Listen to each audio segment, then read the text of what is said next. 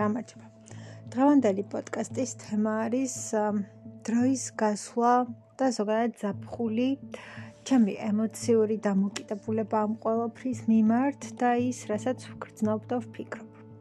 ზოგადად ძალიან სენსიტიურად ვარ განწყობილი დროის გასვლასთან დაკავშირებით და ამ თემაზე ძალიან სენსიტიურად ვფიქრობ, იმიტომ რომ ამ რაც უფრო დრო გადის, უფრო მეტად ვიაზრებ იმ ფაქტს, რომ დრო რომელიც გავიდა და დრო რომელიც უკვე წავიდა, აღარასდროს დაბრუნდება, აღარასდროს განმეორდება და ის ახალგაზრდული წლები, რომლებიც გვაქვს და რომლებიც არის აღარასდროს აღარ განმეორდება და ძალიან სენსიტიურია.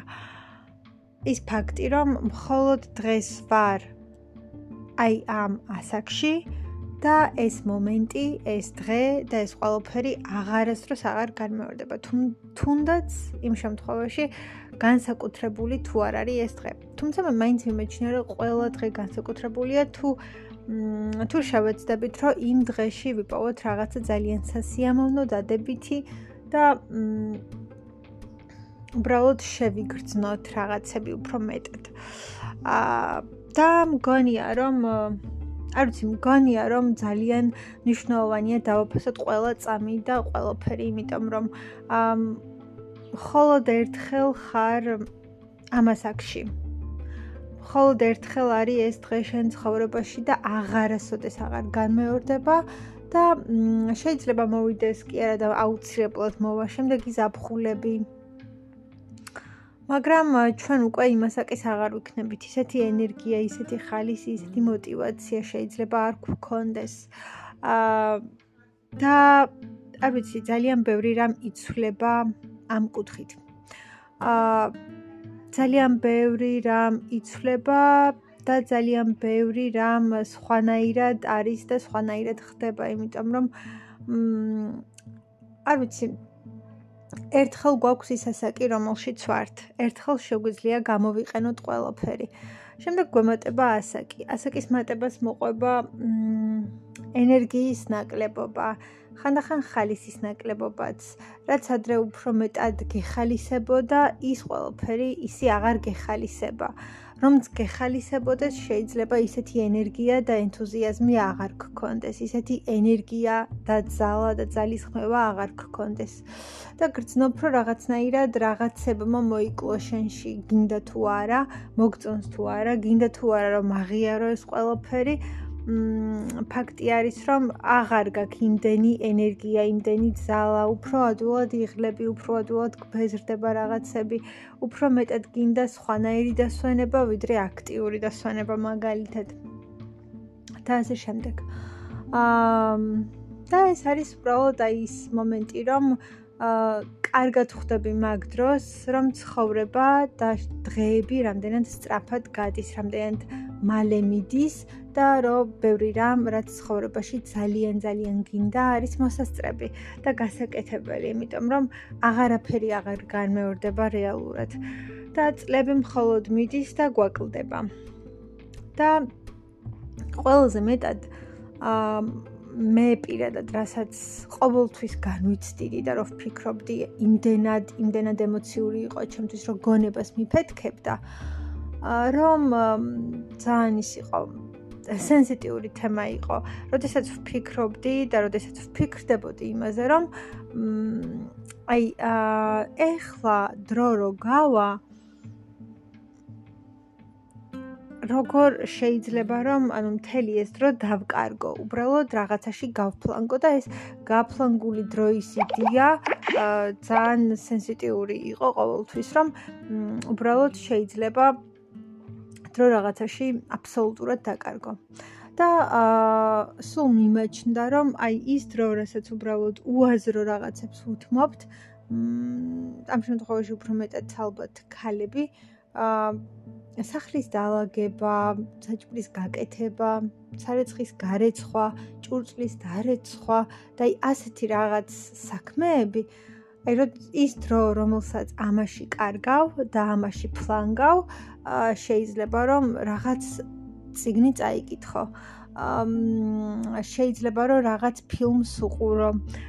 შეიძლება რომ რაღაცა, არ ვიცი, იკითხო წერო, ანუ განვითარების კუთხით და იმ კუთხით რომ უფრო მეტი ისწავლო და შეიმეცნო და განვითარდე, ასე ვთქვათ, და უფრო მაღლა აიწიო შენმა რაღაცებმა, აი ამ კუთხით რაღაცას დაუთმო და ის დრო, რომელსაც ციგნებს და ჩვენ საკუთარ განვითარებას ვუთმობთ, ძალიან მნიშვნელოვანია და ძალიან მაგარი რამ არის, იმიტომ რომ ყოველ ჯერზე გრძნობ, რომ რაღაცით წინ წაიწიე, რაღაცით წინ წახვედი და რაღაცით უფრო მეტად განვითარდი, რაღაცა შენში უფრო მეტად გაიხსნა, ხედვა, აზროვნება, შეხედულება, რაღაცების გადაფასება ხდება, რაღაცებზე დაფიქრება ხდება და ეს მნიშვნელოვანია. ვერასოდეს ვერ იქნება დრო დაკარგული, რომელიც დაუთმე ციგნების კითხვას, დრო რომელიც დაუთმე თვით შემეცნებას და ამ ყველაფერს და ყოველთვის აი გონებას მიფეთქებ და ის ფაქტი, როდესაც ვფიქრობდი, რომ შეიძლება შენი ცხოვრების მთელი ეს დრო დაკარგო ასეთ რაღაცებში. ანუ არაფერში დაკარგო ის, რაც აი მართლა არაფერი არ არის. ანუ არაფერი ისეთი განსაკუთრებული არც შედეგი მოაქვს, არც არაფერი მოაქვს, უბრალოდ ყოველდღიურობის ნაწილია და თუმცა აუცილებელი ნაწილი. და მაინც ისეთი ნაწილი, რომელიც გიწევს, რომ გააკეთო შენ თუ არა სხვას მაინც და აუცილებლად გასაკეთებელი არის და რაღაცნაირად არის ნაწილი ცხოვრების და ყოველდღიურობის. თუმცა მე პირადად ასეთი რაღაც მოვიფიქრე, დღეს მით უმეტეს, როდესაც ძალიან ბევრი აუდიო ციგნია და რაღაც მსგავსი, თუ სახლის საქმეს ვაკეთებ, აუცილებლად ჩართული მაქვს აუდიო ციგნი. სხვათა შორის მუსიკის მოსმენაც და ჩართვაც ძალიან კარგი რამ არის, იმიტომ რომ აშკარად უფრო მეტად სწრაფად და უფრო მეტად ტემპში აკეთებ იმ დროს ნებისმიერ საქმეს, რომელსაც აკეთებ, როდესაც მუსიკას უსმენ თან, უფრო რაღაც ხალისიანად და უფრო ტემპურად მიდის, მოკლედ და უფრო სწრაფად აკეთებ ყველაფერს. მაგრამ აი ეს რომ დრო უაზროდ არ დავკარგო და ის რაღაც 1 საათი თუ 2 საათი ტყუილად არ გაიფლანგოს და დაიკარგოს რაღაცა ისეთში, რაც არაფერს არ მომიტანს გარდა იმისა, რომ აუცილებლობა არის, სხვანაირად ვერ ვიარსებებთ, თუ მაგალითად არ გავაკეთეთ საჭმელი თუ არ ვიკვებეთ რაღაცა, ну ვერ ვიქნებით ისე, თავისთავად ყოველდღიურობის აუცილებელი მოთხოვნა და საჭიროებაა და ის, რასაც გვერდს ვერ აუვლი და თუ შენ არ აკეთებ ვიღაცას მაინც უწევს ამის გაკეთება. აა ყოველ შემთხვევაში მოვიფიქრე ის თუ როგორ შეიძლება რომ ეს ყველაფერი უფრო სასიამოვნო დაკეთო.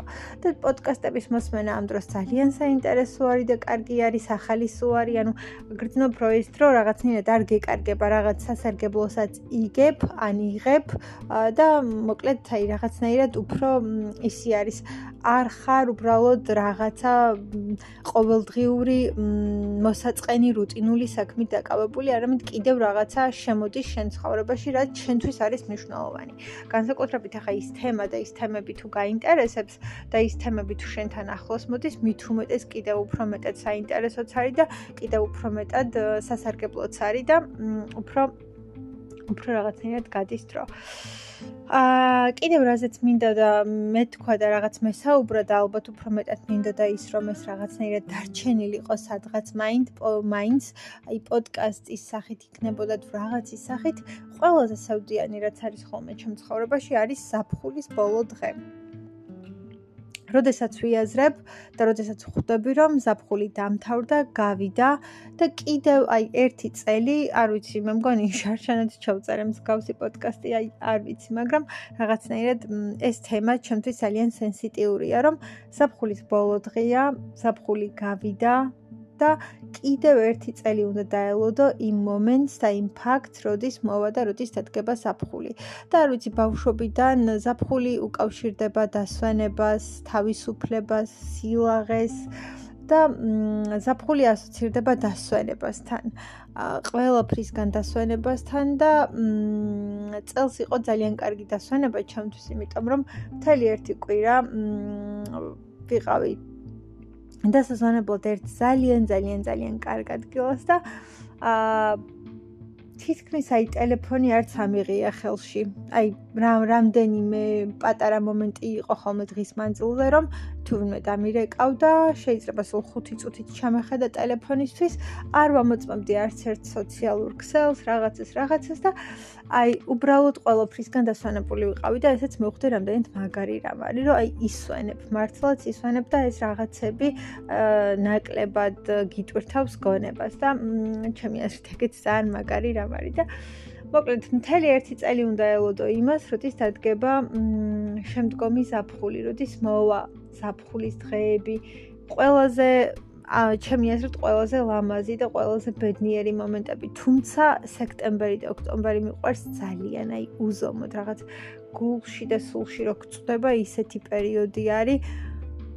და რაღაცნაირად არის ტკბილი სექტემბერი ძალიან ძალიან ტკბილი და ოქროსფერი და სულში ჩამწვდომი მართლა და რაღაცნაირად აი გემრიელი, ჩაშაქრებული, აი რაღაც შაქარლამაზავით თუ შაქარყინულივით თუ არ ვიცი, რაღაც ძალიან ტკბილი და გემრიელია და ძალიან ოქროსფერი არის და არ ვიცი ძალიან ფერადია მოკლედ სექტემბერზე ვგიჟდები ცალკე ცალკე მაგ თემაზე.